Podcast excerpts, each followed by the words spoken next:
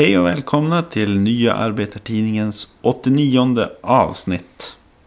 I, idag är den vanliga programledaren David Kasa sjuk. Så därför vikarierar jag, Lars-Erik Utberg. Eh, och när det gäller, när det gäller den van, sedvanliga utfrågningen av Jan Hägglund. För att även om han också är sjuk, som ni säkert kan, kommer kunna höra på rösten. Så är, är han inte så sjuk att han inte kan vara med och besvara frågor.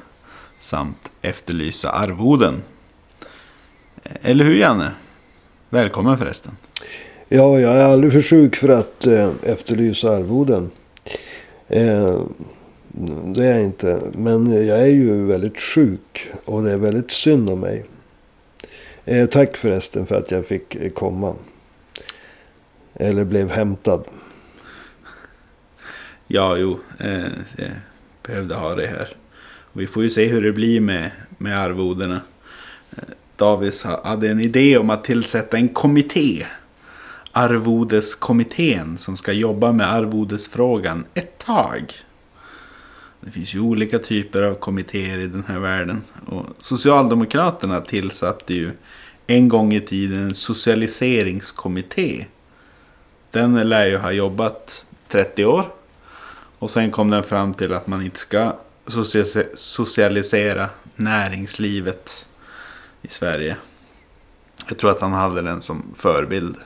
Eller kanske hade han sanning, eller eh, vad heter det nu, kommittén från eh, oamerikanska aktiviteter som förebild? Eh, jag tror att han har socialiseringskommittén som förebild. Det där med 30 år verkar väldigt Davids Kasa. Ja, okay. När det gäller mina arvoden i alla fall. Okay. Ja, ja. ja, men nu har du fått ta upp frågan om dina rättigheter, Nooshi. Nej, jag menar Janne. Eh, ska vi gå över till ämnet? Ja, Nooshi hon får nog mer eh, än vad jag gör. Men eh, ja, vi kan gå över till ämnet. Ja, eh, dagens ämne heter ju Arvet efter Stefan Löfven. Och vad är egentligen arvet efter Löfven? Ja, katastrof med ett kort ord. Eh, men eh, om vi ska vara lite mer rättvisa. Alltså, så måste vi se på bakgrunden till katastrofen. Alltså, och då menar jag den situation som rådde då Stefan Löfven valdes till Socialdemokraternas ledare, partiordförande. Alltså det var ju ett läge som präglades av en djup oenighet. Som hade växt fram under årtionden. Och ett litet kaos under Håkan Juholt. Som var en ganska politisk tafatt herre. Ehm, så även om jag själv anser att Stefan Löfven har lämnat Socialdemokraterna i, en, i ett katastrofalt eh, tillstånd. Så är ju skälet till det, åtminstone delvis, den situation som han i sin tur ärvde efter Mona Salin och just nämnde Håkan Juholt. Ja, du säger att det, det, alltså, alltså en, en, eh, ett arv bestående av splittring. splittring. Så, så Stefan Löfven, han valdes för att liksom ena arbetarrörelsen då igen. Menar du? Ja, han lyckas med det? Ja, alltså han valdes i väldigt hög utsträckning för att ena en allt mer oenig arbetarrörelse under Mona Sahlin och Håkan Juholt. Eh, men det har han inte lyckats med. Det är uppenbart. Utan då han valde samarbete med Centern, Liberalerna och Miljöpartiet. Och valde att eh, i januariavtalet försvaga lagen om anställningsskydd. Delvis kollektivavtalen. Skattesänkningar. Och eh, försökte sig på fri hyressättning i nyproduktion av hyresrätter. Då så lyckades han splittra LO. Och även om nu LO har lite grann rört sig åt mindre splittring så är, eh, alltså, så är LO fortfarande splittrat. Det är fortfarande fyra stycken fackföreningar som inte har skrivit på det här eh, avtalet om en ny arbetsrätt. Och bitterheten ligger som ett tungt mål bland många LO-anslutna. Ja, alltså bland oändligt många. Så att han har inte lyckats eh, ena arbetarrörelsen. Tvärtom, jag tror aldrig att arbetarrörelsen har varit eh, så splittrad som idag. Jag tror att Stefan Löfven kommer att gå till historien som han som splittrade LO. Right. Ja, men eh, du säger då att han har inte lyckats med att ena arbetarrörelsen utan snarare fördjupat sprickorna. Och vi, får, vi ska återkomma till eh, den här frågan om splittringen. Stefan Löfven själv, han har ju ofta framhållit två andra uppgifter som han har sett som väldigt viktiga. Nämligen att spräcka blockpolitiken och förhindra att SD får inflytande över den politik som förs i Sverige. Om vi börjar med den första uppgiften, att spräcka blockpolitiken. Hur tycker du att Löfven har lyckats med det? Ja, det är ju uppenbart att han har lyckats spräcka den gamla blockpolitiken, alltså alliansen. Men eh, det har ju uppstått två nya block.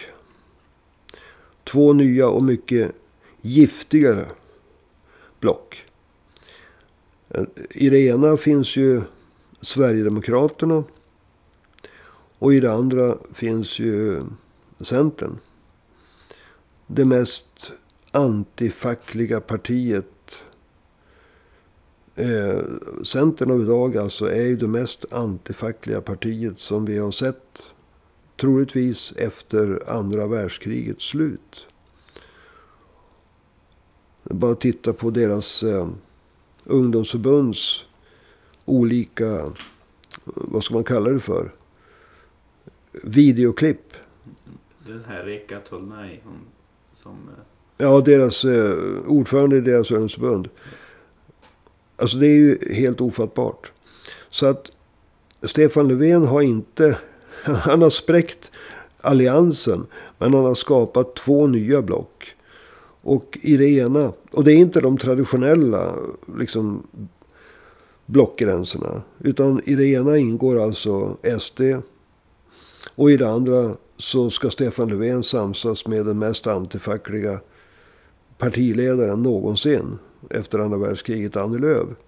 Så jag menar, när det gäller att spräcka blockpolitiken. Där har han ju totalt misslyckats också. Det är ett riktigt lågt eh, betyg, betyg i den frågan. Eh, hur tycker du han har lyckats när det gäller att förhindra SD att få inflytande över den politik som förs i Sverige? Ja. Det är ju, alltså SD ingår ju i ett av de här två blocken. Tillsammans då med Moderaterna, Kristdemokraterna. Så utgjorde ju de uppenbart en, en del i det regeringsunderlag som Ulf Kristersson hade tänkt sig. Och sen har ju dessutom eh, Liberalerna anslutit sig. Och utan Sverigedemokraterna så har ju de ingen som helst chans att bilda regering. Så att SD har ju aldrig stått så mycket i eh, politikens centrum som de gör nu. Så ehm, när det gäller att... Och det innebär... Jag menar, SD kräver ju idag att få regeringsposter. Inte ultimativt. De säger inte så här. Om inte vi får en, ett antal ministerposter då kommer vi inte att stödja Ulf Kristersson. Men de kräver det. Och det är ju helt uppenbart att de kommer att kräva definitivt att få inflytande över den förda regeringspolitiken. Jag tror att de kanske köpslår om ministerposter. De höjer liksom budet. Och får de då inte en ministerpost, då kommer de kräva desto större politiska eftergifter. Så att om Stefan Löfvens eh, mål har varit att isolera SD, och det har det varit, så har han ju definitivt misslyckats även med det. Han har alltså inte lyckats ena arbetarrörelsen. Han har fördjupat split, splittringen. Och när det gäller blockpolitiken. Så visst, han spräckte alliansen. Men han fick två nya block som är mycket giftigare. Och för det tredje så är ju inte SD isolerat. De är mer med än någonsin. Det märker man ju. I, i, det är helt vanligt för en journalist att fråga vad SD tycker i en fråga. Som de är precis som ett helt annat. Precis som alla andra partier. Ja, det beror ju på att de delvis, alltså det beror ju delvis på att de nu ingår eh, så uppenbart i ett regeringsunderlag för ett av de nya blocken. Så då måste ju journalisterna naturligtvis fråga dem. Det hade väl varit naturligt ändå i sinom tid. Men jag menar, sen Kristdemokraterna och Moderaterna sa att vi ska gå till val tillsammans med SD. Vi ska bilda regering på grundval av SDs röster. Så då är ju självklart, vad tycker SD? Det vore ju tjänstefel av en journalist att inte fråga SD. Mm. Vi nämnde ju tidigare att Stefan Löfven efterträdde Mona Sahlin och Håkan Juholt. Under vilka det rått eh, splittring och kaos.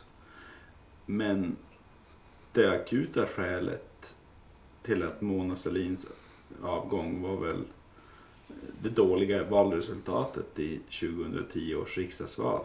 Då S fick det sämsta resultatet sedan den allmänna rösträttens införande. Eh, 30,7 procent. Hur har Stefan Löfven lyckats när det gäller att öka Socialdemokraternas andel av väljarkåren? Ja, det har han ju inte lyckats med. Utan om vi jämför eh, med 2010 så eh, fick ju Socialdemokraterna ännu färre röster i 2018 års val. De fick 28,3 procent. Ytterligare en tillbakagång. Så att eh, även där, när det gäller att vända opinionssiffrorna uppåt, så har ju Stefan Löfven misslyckats. Så det är ju, om man säger, ett fjärde misslyckande. Och det är därför jag var så hård i början. Mm. Jag kan inte se att han har lyckats med speciellt mycket. När vi nu ska prata om arvet efter Stefan Löfven. Jo, precis.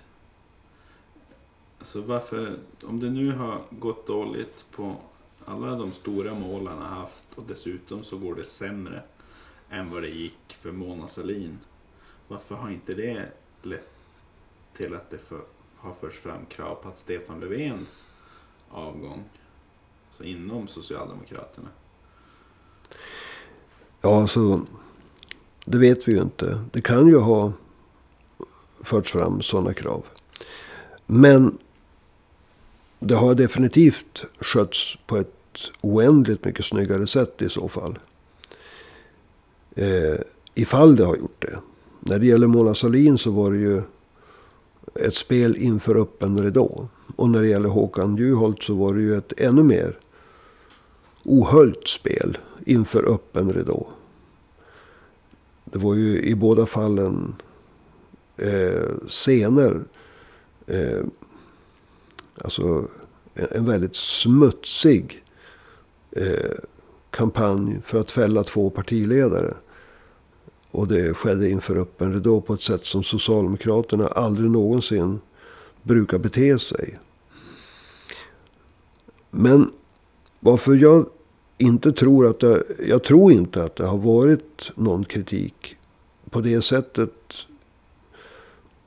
Alltså nu har man säkert eh, hade hoppats på att Stefan Löfven skulle kunna höja opinionssiffrorna. Men man ska komma ihåg att den hårda kritiken mot Mona Salin.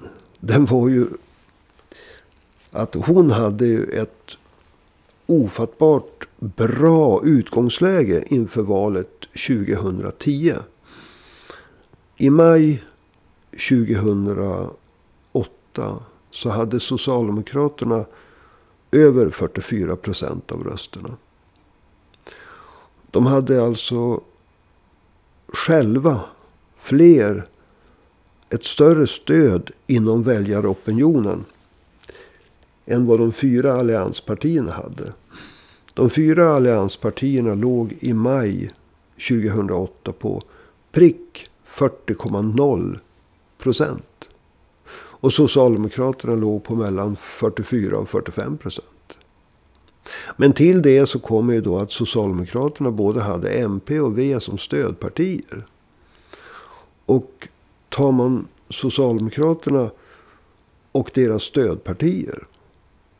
Så låg Socialdemokraterna, V och MP på 55 procent. Av väljarkåren. Medan Alliansen låg på 40. Så det är mot den bakgrunden Alltså att alla trodde att eh, 2010 års val, det var i stort sett klart. Och Mona Sahlin, hon var den självklara nya första kvinnliga statsministern.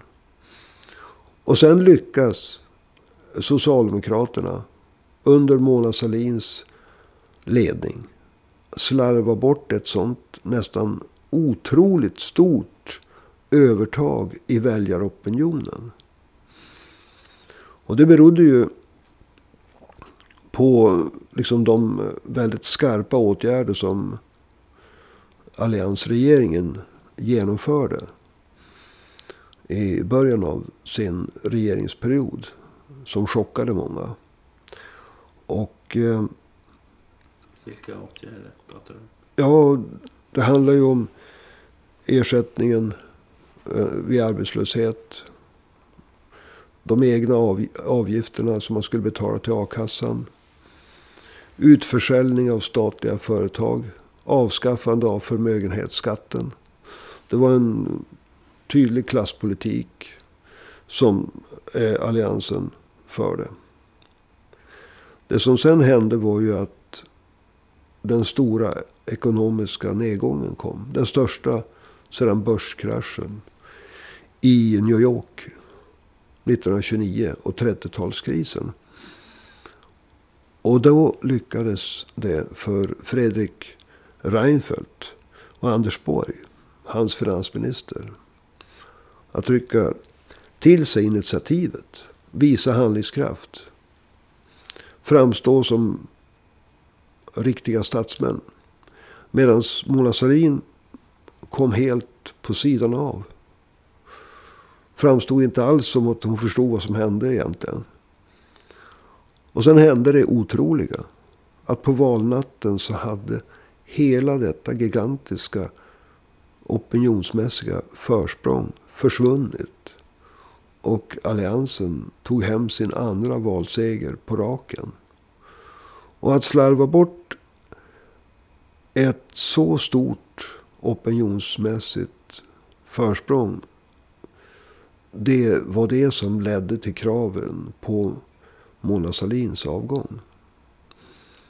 Sen hade hon alltid motståndare inom fackföreningsrörelsen. Sen den tid hon var arbetsmarknadsminister. Jag ska inte gå in på hela den historien. Men alltså, hon hade... Hon borde kan man tycka. Som S-ledare och ledare för ett block där både MP och V ingick. Har kunnat ta hem valet 2010. Med ett sånt enormt försprång. Då hon inte gjorde det så var det oundvikligt. Mer eller mindre.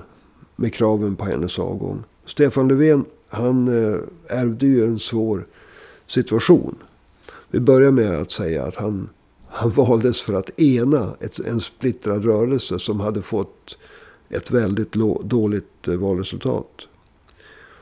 Och eh, jag tror inte, ja, det är säkert, ja, som jag sagt förut, det är säkert många som har varit besvikna över att han inte har kunnat höja opinionssiffrorna. Men samtidigt så har det varit många som har haft en förståelse för att hans utgångsläge var dåligt. Och eh, han kan ju alltid skylla på pandemin. Ja, kanske. Eh, den kom sent. Men eh, ja, man vet aldrig vilka förklaringar eh, folk tar till. Eh, alltså vi kan återvända till en fråga som jag lämnade hängande i luften. Det här med sprickorna i arbetsrörelsen. Du sa att de hade fördjupats. Hur skulle du vilja beskriva sprickorna? Alltså vilka trender och inriktningar är det som bryts mot varandra? Ja, alltså. Det är svårt att peka ut vissa enskilda personer. Därför att olika personer framträder vid olika tillfällen. Men alltså vi har ju haft några direkt borgerliga socialdemokrater.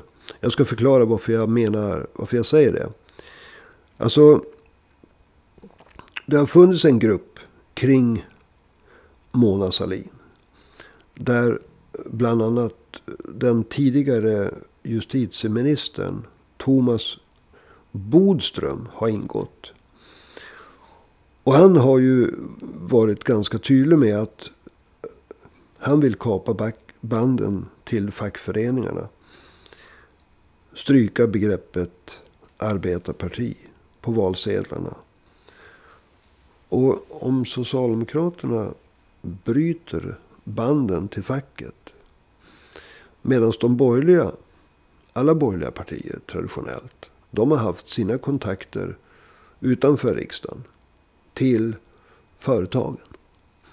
Ser vi historiskt så har eh, det gamla bondeförbundet, Centerns föregångare, haft kontakter med bönder.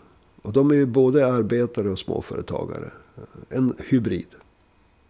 Men idag mer företagare. Och vi har haft Folkpartiet. De har alltid haft kontakter med företagen. Och vi har haft Moderaterna. Och alltid haft kontakter med Kanske de lite större företagen. Alltså socialdemokratin. De hade kontakter med företagens motpart. Fackföreningarna. Och det är det. Om man utgår ifrån arbetsmarknaden. Där finns det ett tydligt motsatsförhållande, partsförhållande. Arbetstagare, löntagare, arbetare, tjänstemän på ena sidan.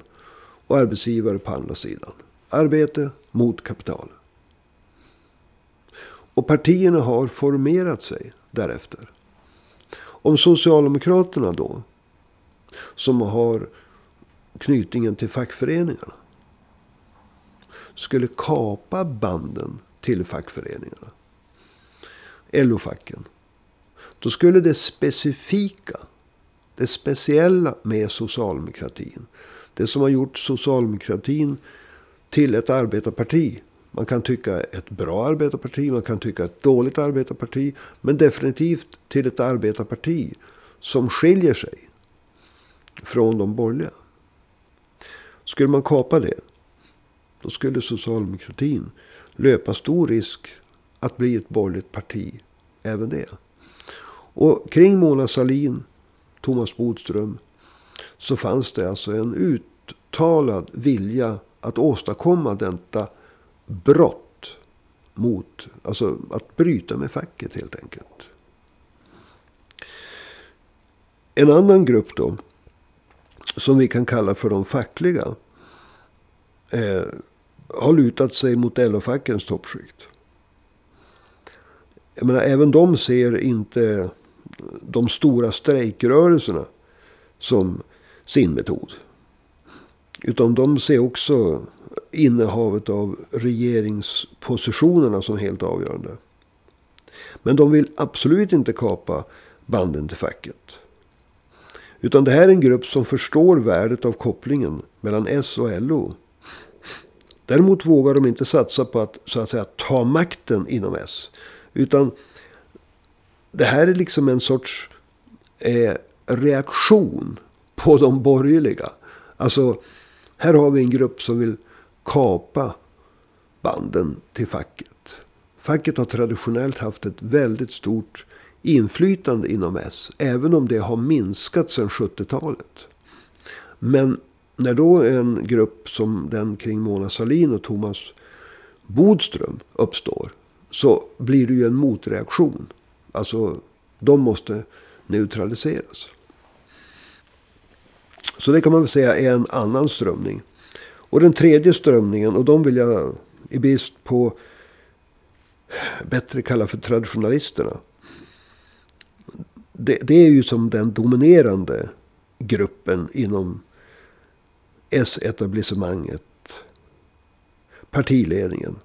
Och det utmärkande för dem är att de, de vill sitta i regeringsposition.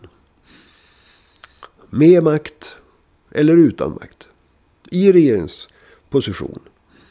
Och de verkar ha väldigt svårt att acceptera att partiet har förändrats. Trots att Socialdemokraterna idag endast har stöd av mellan 25 och 30 procent. Någonstans där. Det varierar i opinionsmätningarna. Eh, av väljarkåren. Så agerar de som om partiet fortfarande hade plus 40 procent bakom sig.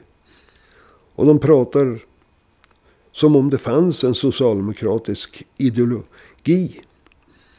Samtidigt så är det just traditionalisterna som förhandlar bort allting som S traditionellt har stått för. Det är de tre riktningarna som, som jag kan se framträda. Huvudsakligen. Jag skulle kunna hitta en fjärde också om jag vill. Men det ska jag inte göra idag. Nej, det kanske är bäst. Um, alltså, vad anser du om vara Stefan Löfvens största enskilda misstag under sina sju år som statsminister? Ja, hans största enskilda misstag som statsminister. Det är att han inte avgick efter valnederlaget 2018. Det här är någonting som jag tycker är väldigt märkligt. Men Socialdemokraterna förlorade valet 2018.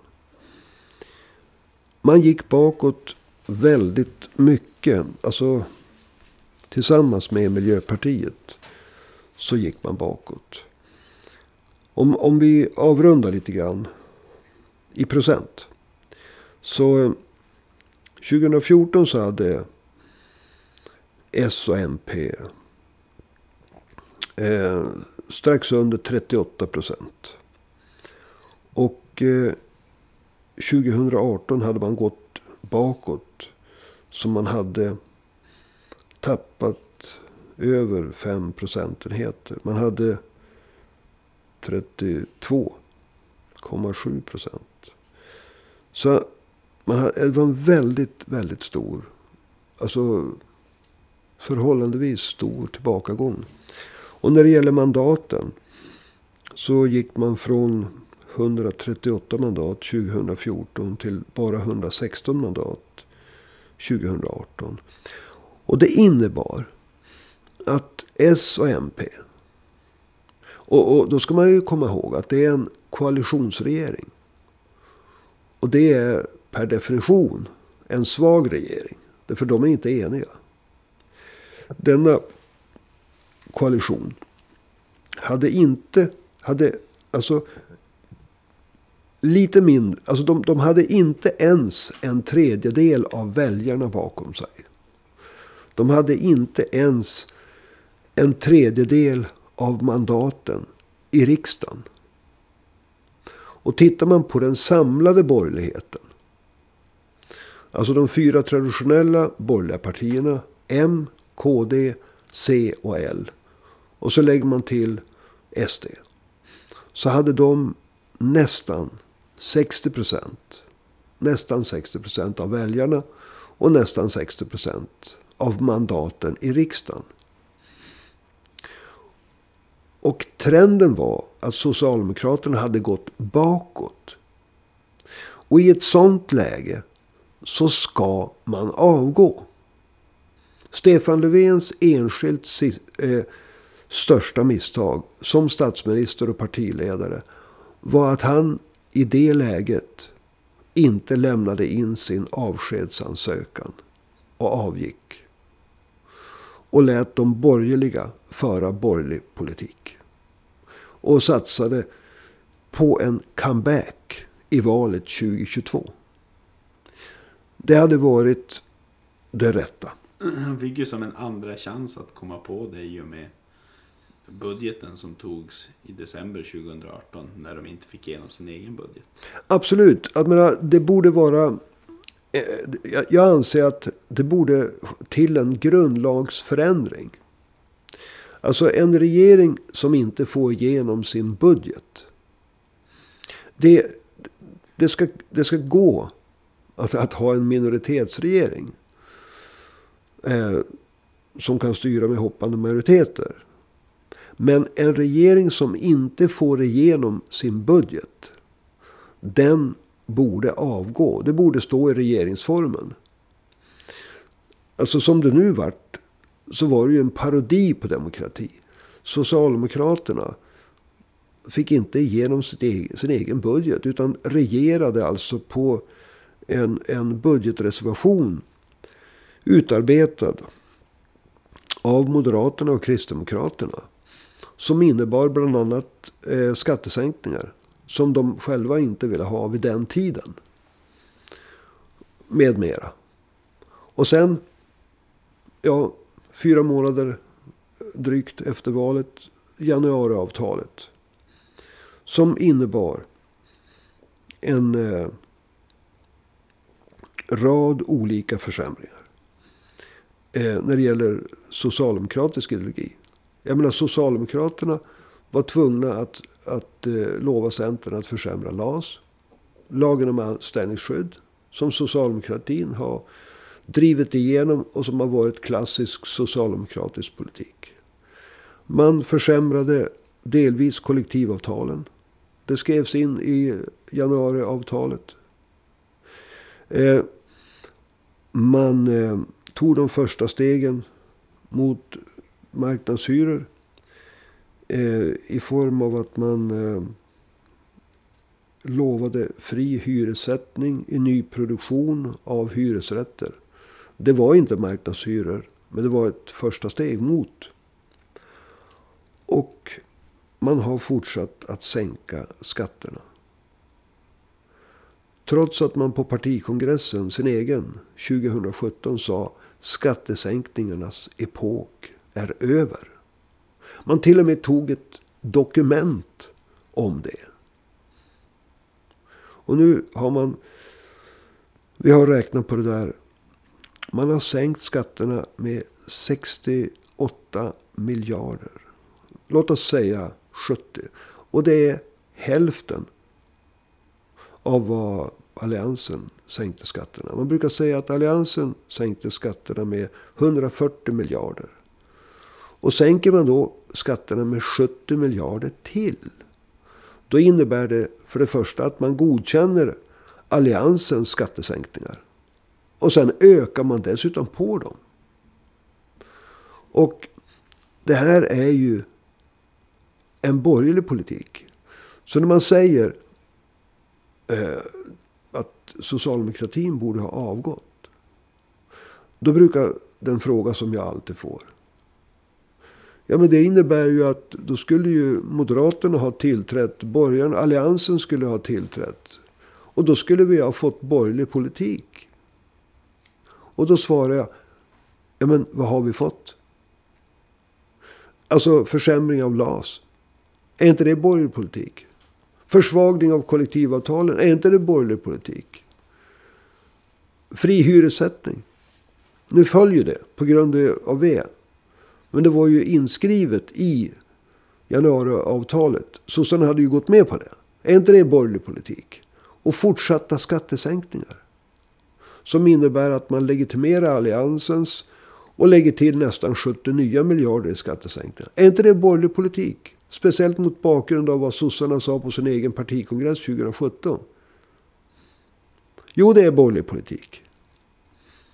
Så att det är definitivt så att Stefan Löfven borde ha avgått efter valet, valförlusten 2018. Då han tillsammans med Miljöpartiet hade under en tredjedel av väljarnas stöd. Och mindre än en tredjedel av riksdagsmandaten. Efter en stor tillbakagång i valet. Då ska man avgå. Och det är hans enskilt största misstag. Och ur detta så kan mycket annat förklaras. Eh, det var ju ett skäl och ett, ett stort skäl till att Socialdemokraterna borde ha avgått efter valet. Alltså finns det något annat skäl att Socialdemokraterna borde ha avgått eh, efter förra valet? Ja, man kan ju lägga till det rent demokratiska. Alltså jag tycker själv att eh, en allmän demokratisk anda gör att om du har mindre än en tredjedel av väljarna. Om du har mindre än en tredjedel av vad heter det, antalet riksdagsledamöter. Och dessutom så handlar det redan från början om en koalitionsregering som är bräcklig och svag med interna motsättningar som ju uppenbarligen fanns. Samtidigt som den samlade borgerligheten, där SD ingår, hade uppåt 60 procent av väljarna och uppåt 60 procent av mandaten i riksdagen. Och den samlade borgerligheten gick ju stärkt, om man räknar in SD, ur valet. Medan S och MP försvagades. Då ska man även avgå av demokratiska skäl. Alltså man ska inte topprida bokstaven. Lagens bokstav. Utan man ska se till andemeningen. Och andemeningen den är att i ett sånt här läge då lämnar man in sin avskedsansökan. Och eh, satsar på... Alltså av demokratiska skäl och av partimässiga skäl, det säger jag igen, då satsar man på att göra comeback 2010. Nej, 2022 menar jag. All right. Jag tror att det är dags att börja avrunda detta poddavsnitt nummer 89. Eh, hur tror du att det kommer gå för Socialdemokraterna i det kommande riksdagsvalet? Ja, när det gäller antal, när det gäller antalet väljare så är det väldigt svårt att säga. Jag tror att eh, det kommer att gå dåligt för Socialdemokraterna. Det finns två sätt att mäta. Det ena är att mäta antalet väljare. Och där är jag osäker. Men de kommer att ligga kvar på en låg nivå historiskt sett. Jag tror att de får svårt att passera 30 procent. Men de kommer att ligga, de kan, de kan få, de kan i bästa fall få 30 procent av väljarna. Någonstans där. Men de kommer aldrig att liksom gå tillbaka till fornstora, fornstora dagar. Men sen finns det ju ett, ett annat sätt. Och det är vad är det för socialdemokrati? Och får jag gå tillbaka till de här olika strömningarna inom socialdemokratin. Mm. Eh, socialdemokratin har ju idag inget socialdemokratiskt kvar. Alltså man har splittrat LO. Man har liksom skapat en situation där vad som har varit ett triumfkort för Socialdemokraterna. Alltså en massa lokala fackliga aktivister. Som har gått ut och kämpat för Socialdemokraterna i varje val. Ska de gå ut och säga nu så här. Rösta på oss. Vi kommer att sitta i en koalitionsregering med den mest antifackliga partiledaren sedan andra världskriget. Annie Lööf. Som vi har lagt oss för. Vi har försvagat anställningsskyddet. Anställningstryggheten. LAS. Vi har ytterligare underminerat offentliga sektorn. Genom väldiga skattesänkningar. Vi har godkänt alliansens skattesänkningar. Och så vidare och så vidare. Det är därför jag tror att det, det inte kommer att gå så bra för Socialdemokraterna rent väljarmässigt. Men man går alltså inte längre till val som eh, socialdemokrater. Man går till val där alla är medvetna om att man går till val tillsammans med Annie Lööf. Och det här är en, en, en helt ny sak som jag är glad att få ta upp. Det är ju så här att när Socialdemokraterna gick till val tillsammans med MP. Då kunde man så att säga hos många traditionella S-väljare bortse ifrån MP. Man kunde som säga, jag röstar på sossarna. Och blunda för MP. Men försök blunda för Annie Lööf. Försök blunda för en person som under en lång tid hindrade Stefan Löfven från att ens tala med Vänsterpartiet. Hindrade Stefan Löfven från att tala med eh, Jonas Sjöstedt. Försök blunda för Centerpartiet som har fått igenom en historisk försämring av lagen om anställningsskydd. Försök blunda för ett parti som har spräckt LO. För det var det Stefan Löfven gjorde.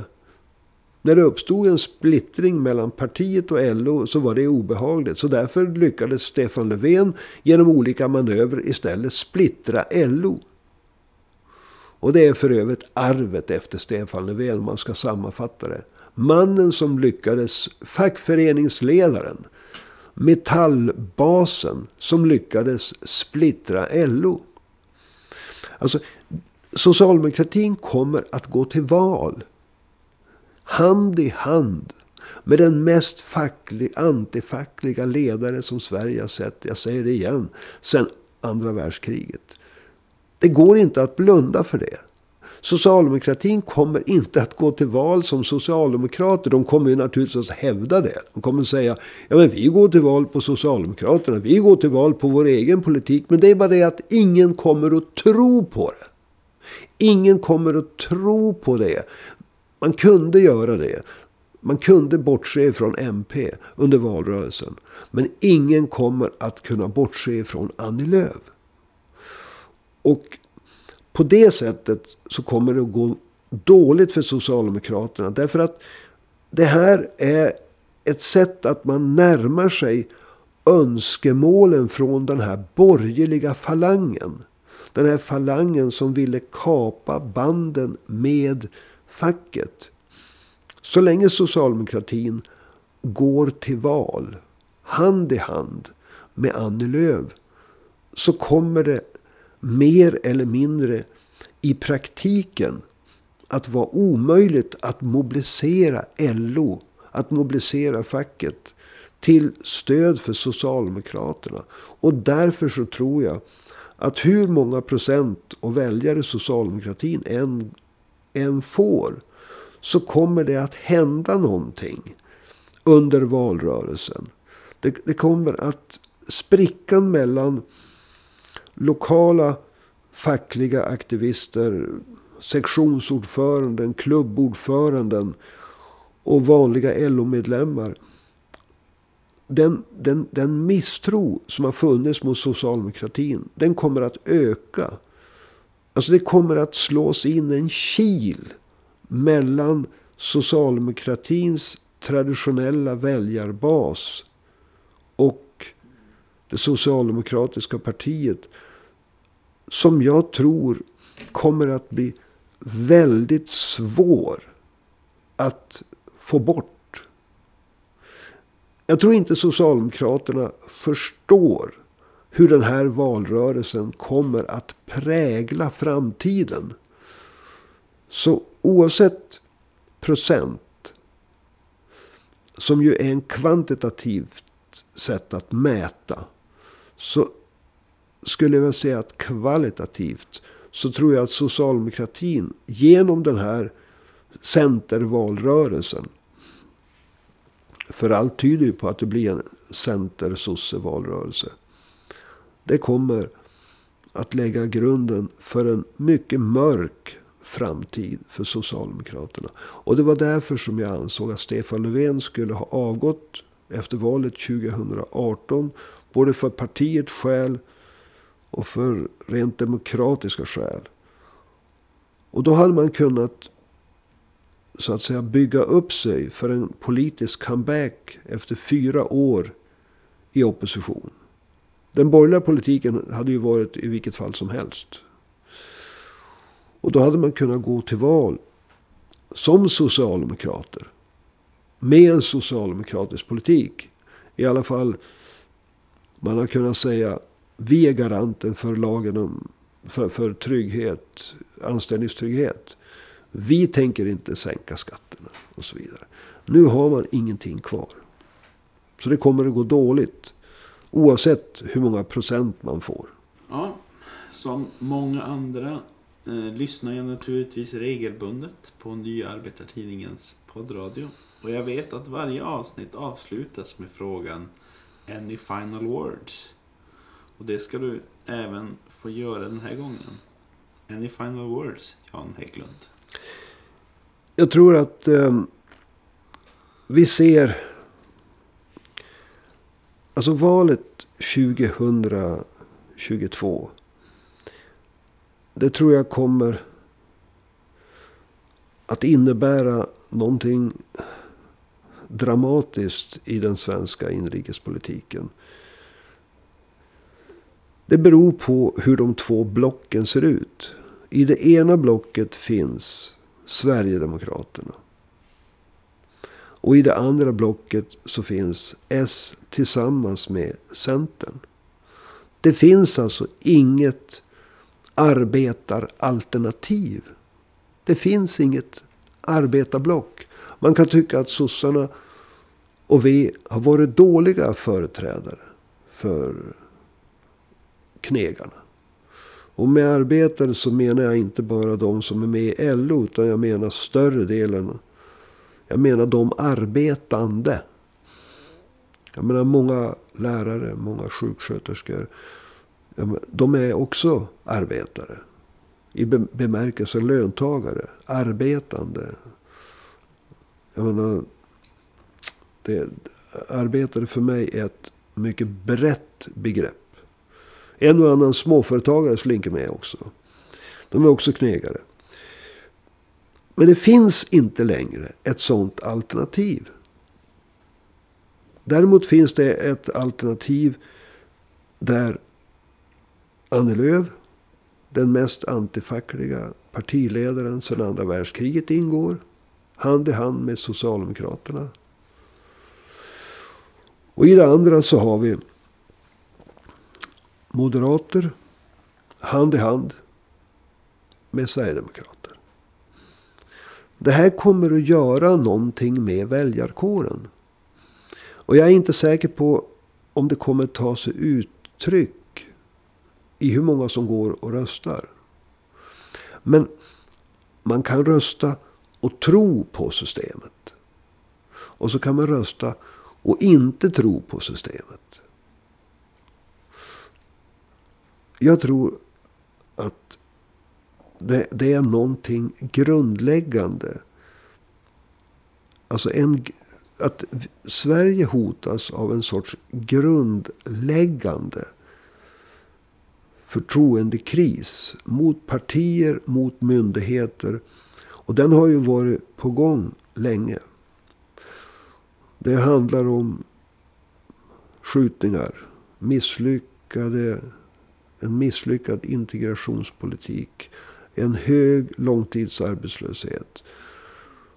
Och en rad faktorer. Jag skulle kunna fortsätta, jag ska inte göra det. Nu så tror jag att det kommer att kännas väldigt, väldigt udda i valrörelsen. Jag tror så här, om man ska sammanfatta det. Fler än någonsin kommer att ställa sig frågan.